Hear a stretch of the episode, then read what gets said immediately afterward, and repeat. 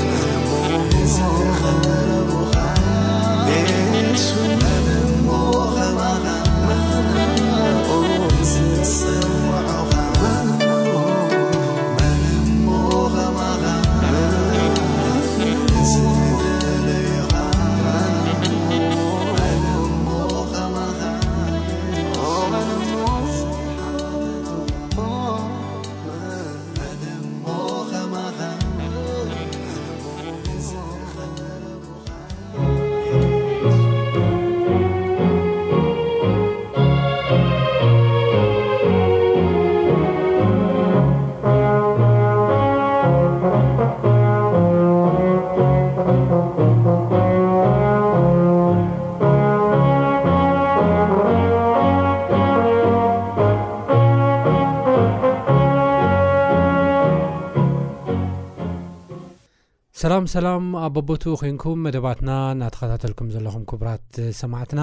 እዚ ብዓለም ለኸ ኣድቨንስ ሬድዮ እናተዳለወ ዝቐርበልኩም ኣብ ብዝሓለፈ ሒዝናዮ ብዘለና ኣርእስቲ ኢየሱስ ክርስቶስ ኣብ ማቴዎስ ምዕራብ 6ዱሽተ ንደቂ መዛሙርቱ ዘምሃሮም ጸሎት ኢና ንርኢ ዘለና ማለት እዩ እዚ ጸሎት እዚ ኢየሱስ ክርስቶስ ንደቂ መዛሙርቱ ዘምህሮም ኣብ ሰማያት ትነብር ኣቦና ስምካ ይቀደስ መንግስትኻ ትምጻእ ፍቓድካ ከምቲ ኣብ ሰማይ ከምኡ ድማ ኣብ ምድሪ ይኹን ናይ ዕለት እንጌራና ሎሚ ሃበና ንዝበደሉና ከም ዝሓደግናሎም በደልና ሓደገልና ካብ ክፉእ ኣድሕነና እምበር ናብ ፈተና ኣይተእትወና መንግስትን ሓይልን ክብርን ዘልኣለም ናትካ እዩሞ ኣሜን ዝብል ጸሎት እዩ ኣምሂርዎም እሞ ብዙሕ ሓሳባት እናረኣና መጺና ኢና እዚ ጸሎት እዚ ኪነ ከምዚ ኢልካ ብቓል ጽለ ሰፊሕ ሓሳብ ዘለዎ ሰፊሕ ትርጉም ዘለዎ ሕድሕድ ቃላት ሰፊሕ ትርጉም ዘለዎ ሓሳብ ምዃኑ ኢና እናረኣና ዘለና ኣብ ዝሓለፈ ዕስራ ሰላሳ ክፋላት ከይድና ንርኢ ኣለዋን ሕድሕድ ቃላት ኣብ ሰማይ ትነብር ኣቦና ስምካ ይቀደስ ዝብሉ ቃላት፣ መንግስትኻ ትምጻእ፣ ፍቓድካ ኸምቲ ኣብ ሰማይ ከምኡውን ኣብ ምድሪ ትኹን፣ ፍቓድካ ትኹን፣ ናይ ዕለት እንጌራና ሎሚ ሃበና ዝብሉ ሓሳባት ሰፍሕቲ ሓሳባት ከም ዘለዎ እናረኣና ቀኒና ኢና ሎሚ እውን ናቱ መቐፀልታ ኢና ክንርኢ ማለት እዩ ባር ሕጂ ዘለና ናይ ዕለት እንጌራና ሎሚ ሃበና ዝብል ሓሳብ ኢና ዘለና ኣብ ዝሓለፈ ኣብ ዝርእስቲ ተኸታታል ዝረኣናይ ኣብዛ ናይ ዕለት እንጌራና ሎሚ ሃበና ጥራሕ ዝብል ቃል ዝረኣናይ ሓሳባት ሰፊሕ ዝኾነ ሓሳባት ርኢና ነና ሃበና ዝብል ቃል ብፍላይ ርኢና ነና እዚኣ ከዘኻኽረኩም ይደሊ ካብ እግዚኣብሄር እንቕበሎ በረኸታት ኩሉ ብሽም ካልኦት ጸሊና ዝረኸብናዮ እዩ ዝብል ርኢና ነርና ምክንያቱ ሃበኒ ኢልና ዝረከብናዮ ኣይኮነን ሃበና ኢልና ዝረከብናዮ እዩ ሃበና ድማ ብናይ ካልኦት ሽም ን ኣካቲቱ ዝፅውዕ ሽም እዩ ስለዚ ሃበና ኢልና ኢና ንፅል ዘለና እግዚኣብሔር ድማ ሃበና ኢልና ስለ ዝፀለና ሂብና ኣሎ ስለዚ እቲ ንዓና ተዋህበና ውህበት ድማ ኣባና ጥራሕ ዝተርፍ ንዓና ጥራሕ ዘይኮነስ ነገር ግን ንካልኦት ውን ከም ዝኾነ ክንርስዕ የብልናን። ናይ ካልኦት ውን ምዃኑ እቲ ባና ዘሎ ንባዕሉሲ ኣለና ንብሎ ንባዕሉ ናይ ካልኦት ከም ዝኾነ ንካልኦት ንክንህብ ኢሉ እግዚኣብሄር ከም ዝሃበና ከም ሓደራ ገይሮ ከም ዝሃበና ውን ክንርስዕ የብልናን። ኣብዚ ሓደ ዓብዪ ዘልዐልናዮ ሓሳብ ኣሎ ንሱ ድማ ቅዱስ ባሲለስ ዝበሎ እዩ ሎሚ ኣብ ኣርማድዮኻ መሊኡ ኣርማድዮኻ መዕፀዊ ስኢኑ ተደርዲሩ ዘሎ ክዳውንቲ እናተባላሸወ ዘሎ ክዳውንቲ ናይቶም ኣብ ደገ ዘለዉ ዓሪቆም ብዘይ ክዳን ብቁሪ እናተርበለቡ ዘለዉ ሰባት እዩ ንስኻ ሒዝካዮ ዘለካ ማለት እዩ እቲ ኣምዳ ጫማ መቐመጢኻ ትርፊ ጫማ ቦታ ስኢኑ እቲ ጫማኻስ ትርፊ መቐመጢ ስኢኑስ ዝድርበ ዘሎ ጫማኻ ናይቶም ብዘይ ጫማ ዝኸዱ ጸሓይ ብዘቃጸሎ ጽርግያ እናተለብለቡ ዝኸዱ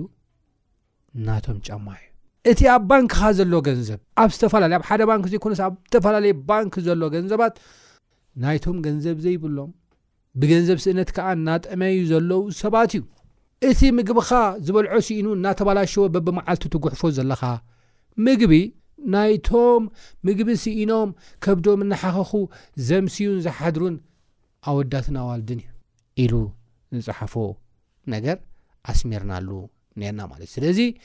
ናይ ዕለት እንጌራና ሎሚ ሃበና ኢልና ክንጽሊ ከለና እቲ ሃበና ዝብል ቃል ብሽም ካልኦት ጸሊና ዝረኸብናዮ በረኸት ምዃኑ ካብ እግዚኣብሔር ዝረኸብናዮ በረኸት ምዃኑ ዘኪርና ንኻልኦት ክንህብ ከም ዘለና ኢና ርኢና ነርና ማለት እዩ ሎሚ ከዓ ኣብኡ ፍቲ ርእሲ ካልእ ዘምህረና ነገራት ኣሎ ቀደም ኢልና ኣብ ዝሓለፈ ናይ ቃል ግዜና ከም ዝረኣናዮ ናይ ዕለት እንጌራና ሎሚ ይሃበና ዝብል ሓሳብ ኣብ ህይወትና ዘምፅኦም ብዙሕ ለውጥታት ኣሎ ኢልና ኢና ብዙሕ ለውጥታት እቲ ሓደ ሎሚ ዓንቲ ከዓ ንሪኦ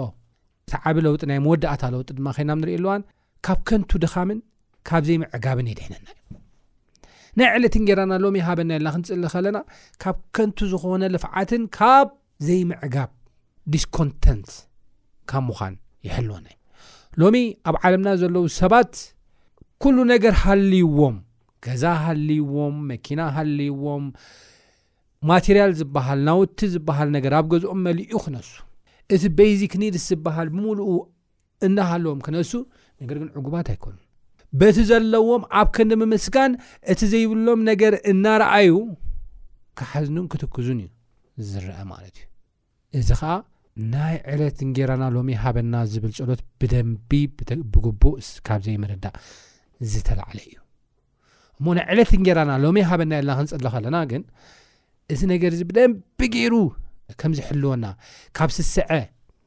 ካብ ዘይምዕጋብ ካብ ከንቱ ዝኾነ ድኻም ከም ዝሕልወና ካብ ከንቱ ዝኾነ ልፍዓት ከም ዝሕልወና ይዛረበና ወይ ድማ የምህረና እዩ ወ መብዛሕትና እንጎዮ መብዛሕትና እንደኽሞ መብዛሕትና ንለፍዖ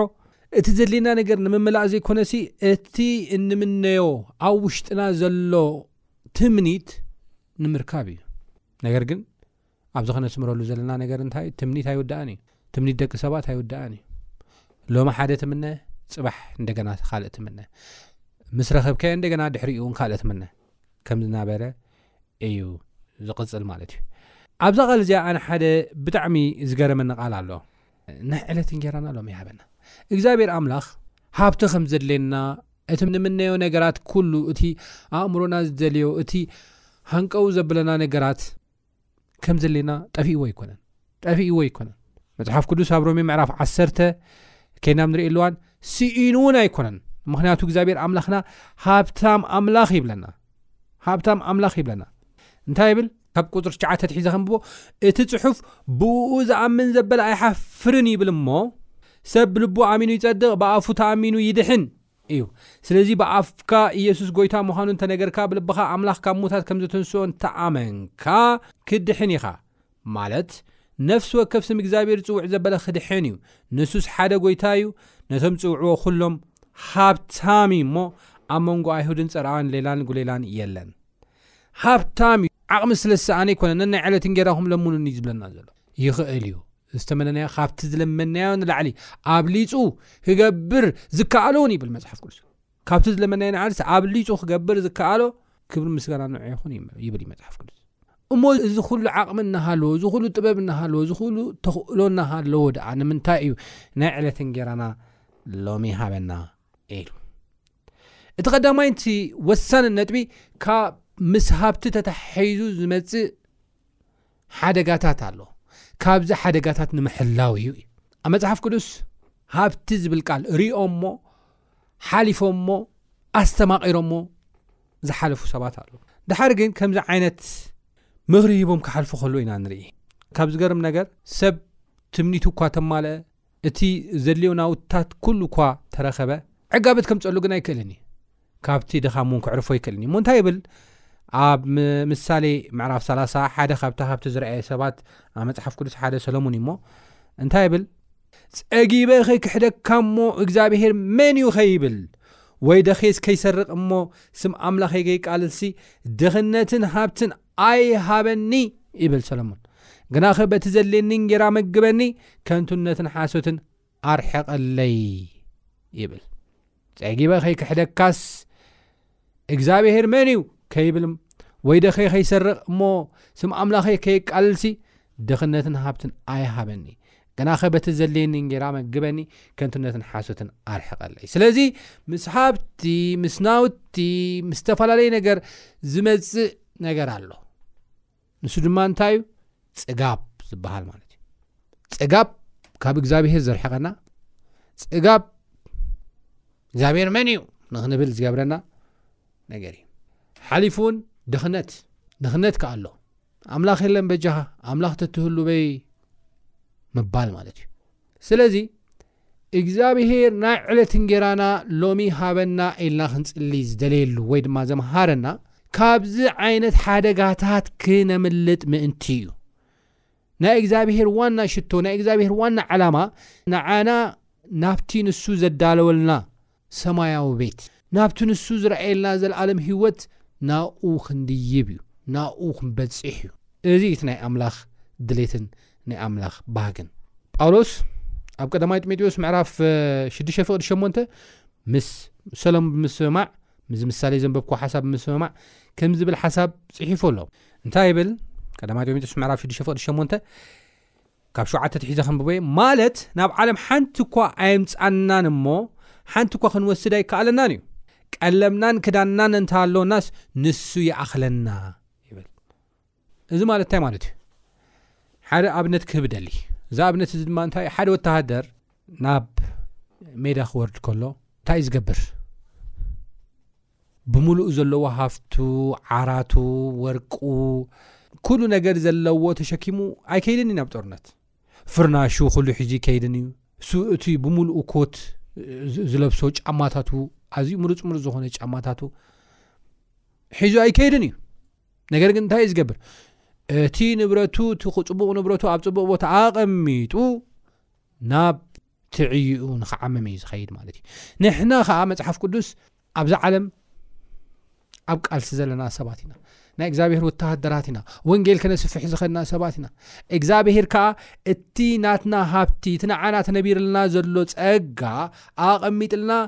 እዩ ዘሎ ናብ ማንም ኣይከይድን እዩ ንዓና እዩ ዓይኒ ዘይረኣዮ እዝኒ ዘይሰምዓቶ ኣብ ልቢ ሰብ ዘይተሓስበ ዝተባህለሉ ነገር ንዓና እዩ ንማንም ኣይኮነን ኣብዚ መንፈሳዊ ቐልስ ግን ተዓዊትና ክንምእንቲ ክንወፅእ ማንም ቅልል ኢልና ክንከይድ ኢንፋክት ሓደ ወተሃደር ዝኸብድ ነገር እንተ ተሸኪሙ ክጎይ እውን ኣይክእልን እዩ ክሰርሕ እውን ኣይክእልን ዝተፈላለዩ ነገር ዝሕዞ ነገራት ኣሎ ንዕኡ እውን ምቹው ይኮን። ንዕዮና እውን ምቹው ንክኸውን ፅኒዕና እቲ ቃልሲ ተቃሊስና እውን ክንዕወት መንፈሳዊ ቃልሲ ተቃሊስና እውን ክንዕወት ብፀሎት እቲ እግዚኣብሄር ዘዳለወልና ዓይኒ ዘይረኣዮ እዝኒ ሰምዓቶ ኣብ ልቢ ሰብ ዘይተሓስበ ነገራት ብምልኡ ንኸንወርስ ከም ዝደሊ እዩ ዝዛረበና መፅሓፍ ቅዱስ ማለት እዩ እሞ በዚ መልክዕ እዚ እዩ ናይ ዕለት እንጌራና ሎሚ ሃበና ኢልና ክንፅልስ ሂነውስ ይፈልጥ እዩ ካብዚ ንላዕሊ ክንህብ ከም ዝኽእል ሃብቲ ንባዕሉ ሓጢኣት ከም ዘይኮነ ይፈልጥ እዩ ነገር ግን ምስኡ ዘለና ዝምድና ንኸይብተኽ ብጥንቃቐ ኩሉ ግዜ ተዓዊትና ንክንከይድ ስለ ዝደሊ እዩ መፅሓፍ ቅዱስ ንዕለት እንጌራና ሎም ይሃበና ኢሉ ንክንፅሊ ዘምሃረና ኣብ ውፍቲ ቀዳማይ ጥሜጥዎስ ምዕራፍ 6ዱሽተ ፍቕዲ 1ሰለስተ እንታይ ይብል ካብ ፍቕዲ ዓሰር ተትሒዘ ከምብበ እዩ እቲ ፍቕሪ ገንዘብ ስስሩ ኩሉ ክፍኣት እዩ እሞ ገሊኦም ንኡ እናተመጣጠሩ ነቲ ገንዘብ ንክሕዙ ነቲ ሃብቲ ንክሕዙ ነቲ ኣብ ልቦም ዘሎ ትምኒት ንክሕዙ ካብ እምነት ዘንበሉ ይብለና ሃብቲ ንክሕዙ እቲ ዝምነይዎ ነገር ንክረኽቡ ክመጣጠሩ ክጎዩ ክብሉ እንታይ ገብሩ ካብ እምነት ዘንበሉ ዓብ ክሳራ ናብ ርእሶም ውን ብዙሕ ስቃይ ኣምፅኡ ይብለና ብዙሕ ስቃይ ኣምፅኡ ካብ እምነት ዘንቢሎም እንደገና እንታይ ይገብሩ ግፍዒ ይሰርሑ ክፍኣት ይሰርሑ ዓመፅ ይሰርሑ በዚ በልክዕ እዚ ከዓ ኣብ ዓለም ንባዕሉ ሰላም የብሎም ኣብቲ ሰማይ ድማ ዝነበሮም ዕጫ ባዕሎም ሚስ ገይሮም ከባኽንዎ ከሎ ኢና ንርኢ ማለት እዩ እሞ ነዚ እዩ እቲ ፍቕሪ ገንዘብ ገንዘብ ምፍቃርሲ ሱሩ ኹሉ ክፍኣት እዩ ኢሉ መጽሓፍ ቅዱስ ዝዛረበና ማለት እዩ እሞ በዚ መልክዕ እዚ ኣብ መጽሓፍ ቅዱስ ናይ ዕለት እንጌራና ሎሚ ሃበና ኢልና ክንጽሊ እግዚኣብሄር ዝደልየሉ እዛ ትምህርቲ እዚኣ እውን ዘምሃረና ካብዚ ሓደጋታት እዚ ንምሕላው እዩ ዝብል ሓሳብ ኣሎ ንሱ ጥራሕ ግን ኣይኮነን ምዘ ተታሒዙ ካብ ዘይምዕጋቡን እዩ ሕጂ ሰብ ብዙሕ ገንዘብን እቲ ዝምነዮ ናውትን ስለ ዝረኸበ ዝዓግብ ይመስሎ ግን ኣይዓግብን ይብል ብዙሓት ሃፍቲ ዝረኣዩ ዝምነይዎ ነገር ዝረኸቡ ሰባት ሓደሓደ ክዛረቡ ከሎ ዕጋበት የለን ትትምነዮ ትረኽቦ ፅባሕ ትጭብጦ ትረኽቦ ትጭብጦ ግን ዕጋበት የለን ትምኒት እውን ኣይውዳኣን እዩ ካሊእ ኢኻ ትርኢ ካብ ዝተላዕለ ሰብ በቲ ዘለዎም ካብ ምስጋን ዝተላዕለ ከምቲ መጀመርያ ዝበልክዎ ነገር ግን በቲ ዝጎደሎም እናረኣዩ ህይወት እናስቆርቆሩን እናሓዘኑን ክሓልፍዎ ገይሩ እዩ ኢንጆይ ከገበርዎ ብምስጋና ብሓጎስ ከይሓለፉ ክነብሩ ከሎ ኢና ንሪኦ ብጣዕሚ ዝገርም ነገር ነገር ግን መፅሓፍ ቅዱስ እንታይ እዩ ዝብለና እናመስገና ብጎይታ ኩሉ ግዜ ሕጉሳት እናኾና ንካልኦት ንበረኸት እናኾና ክነብር እዩ እግዚኣብሄር ዝደልየና ማለት እዩ ኣብ ፊልጲስ ምዕራፍ 4 ፍቕዲ 12 እቲ ዓብዪ ኣገልጋሊ ዝነበረ ጳውሎስ ከምዚ ብምባል ይዛረብ፣ ብጣዕሚ ዝገርም ነገር እዩ። ጳውሎስ ከምዚ ቅድም ኢልና ንፈልጦ ዓቢ ስልጣን ዝነበሮ ሰብ እዩ ነይሩ ቅድሚ ናብ ጎይታ ምምጻእ። ነገር ግን ደሓር ወንጌላዊ ምስ ኮነ ኢየሱስ ይበልጸኒ ኢሉ ናብ ኣገልግሎት ምስ ኣተወ ዝበሎ ነገር እዩ እዚ ቃል እዚ ትሕት ምባል እፈልጥ ሕልፍን ትርፍን እፈልጥ ጽጋብን ጥሜትን ምስ ትርፉ ምህላውን ስእነትን ኣብ ኩሉ ብኩሉ ልሙዴ ይብለና ስለዚ ኣብ ኩሉ እንታይ ልሙዴ ኣብ ኩሉ ልሙዴ ንድሕሪኡ ቅፅል ኣቢሉ ከዓ በቲ ሓይሊ ዝህበኒ ከዓ ንክሉ ክኽእሎ እየ ክብለና ከሎ ኢና ንርኢ ስለዚ በቲ ዘለኒ ኣኽለኒ በቲ ዘለኒ ተመስገን ተማሂረ እየ ከዓ ይብለና ቁፅሪ ዓሰርተ ሓደ ከይድና ምነንብበሉዋን ኣነስ በቲ ዘለኒ ኣኽለኒ ምባል እንታይ ገይረ ተማሂረ ስለ ዝፈልጥ በዛ ኣፍልጦ እዚ ኣነስ በቲ ዘሎኒ ኣክለኒ ምባል ተማሂረ ስኢነ ስለ ዘለኹ ይኮንኩን እዚ ዝብል ዘለኹ ይብለና በቲ ዘለካ ይኣኽለኒ ምባል፣ በቲ ዘለካ እግዛብሄር ምምስጋን፣ በቲ ዘለካ ንኻልኦት ንበረኸት ምዃን፣ እዚ ካብ ጎይታ የሱስ ዝተማሃርናዮ ዓቢ ምሳሌ እዩ። በዓል ጳውሎስ እውን ዝተግበርዎ ነገር እዩ፣ ካብ ፍልጠት ዝተላዕለ ማለት እዩ። እሞ መጽሓፍ ቅዱስ ብጣዕሚ ሕጂ እውን ሎሚ ሎሚ ብፍላይ ኣብ ዘለናዮ ዘመን ማቴሪያሊዝም ማቴሪያሊዝም ዝበሃል ቃል ኣሎ እዚ ማቴሪያሊዝም ማለት እንታይ ማለት እዩ ኣፍቅሮተ ንዋይ ኣፍቅሮተ ንዋይ ናውቲ ምፍታው በቃ ኩሉ ንዓይ ንዓይ ንዓይ ዝረእኻዮ ዓይነኻ ዝረኣየቶ ልብኻ ደስ ዝበሎ ነገር ኩሉ ንዓይ እናበልካ ምእካብ ማቴሪያሊዝም ብውዕጋቢ ዝተረክብ ይመስለካ ብዙሕ ገንዘብ ምዑ ይዝፈስስ ነገር ግን መጽሓፍ ቅዱስ ኣብ እብራውያን ምዕራፍ 13 ፍቕዲ ሓሙሽተ ኸይና ንርኢ ኣለዋን እንታይ የብል ንሱ ባዕሉ ኣይክሓድገካን ዕሽሽ እውን ከቶ ኣይብለካን እየ ኢሉ እዩ እሞ ንብረትኩም ብዘይ ፍቕሪ ገንዘብ ይኹን በቲ ዘለኩም ዕገቡ ይብለና በቲ ዘለኩም ዕገቡ ንብረትኩም ከዓ ብዘይ ፍቕሪ ገንዘብ ይኹን ብኻልእ ኣባህላ ካብቲ ናይ ማቴርያሊዝም እምነትን ካብቲ ሃረርታን ካብኡ ውፁ እዩ ዝብል ዘሎ እቲ መፅሓፍ ቅዱስ ዝብለና ዘሎ ማለት እዩ ስለዚ ክንሕሎ ከም ዘለና እዩ ኣብዚ ሓሳብ እዚ ዝዛረበና ማለት እዩ ብፍላይ ኣብዚ ከስምረሉ ዝደሊ ሓሳብ ተሃለወ እንታይ እዩ ጎይታ ከምዘይ ሓድገና ኣብዛ ጥቕስ እዚኣ ኣይሓድገካን ዕሽሽ እውን ኣይክብለካን የለ ኩሉ ግዜ ምሳና ከም ዘሎ ከነተኩረሉ ክንክእል ኣለና ድኽነትን ሃብትን ፅቡቕ ኣይኮነን ማለት ሃብቲመ ዓብየ ከይክሕደካ ከምቲ ዝበሎ ኣብ ምሳሌ ምዕራፍ ሰላሳ ዘንበብናያ ደኼ እውን ኣቤሎ ኢለ ከየቃልሲ ሓልወኒ ከም ዝበለ ሰለሙን ንሕና እውን ከምዘይሓድገና ኣሚንና እቲ ዝግባኣና እናሰራሕና ንካልኦት ንበረኸት ኮይና ኣምላኽ እናመስገና ክነብር እግዚኣብሄር ፀጉ የብዝሓልና ኣብ ዝቕፅል ናይ ዝመቐፀል ተሒዝሎም ክቐረበይ ክሳብ ዝቕፅል ሰላም ኩኑ ጎይታ ይባረኩም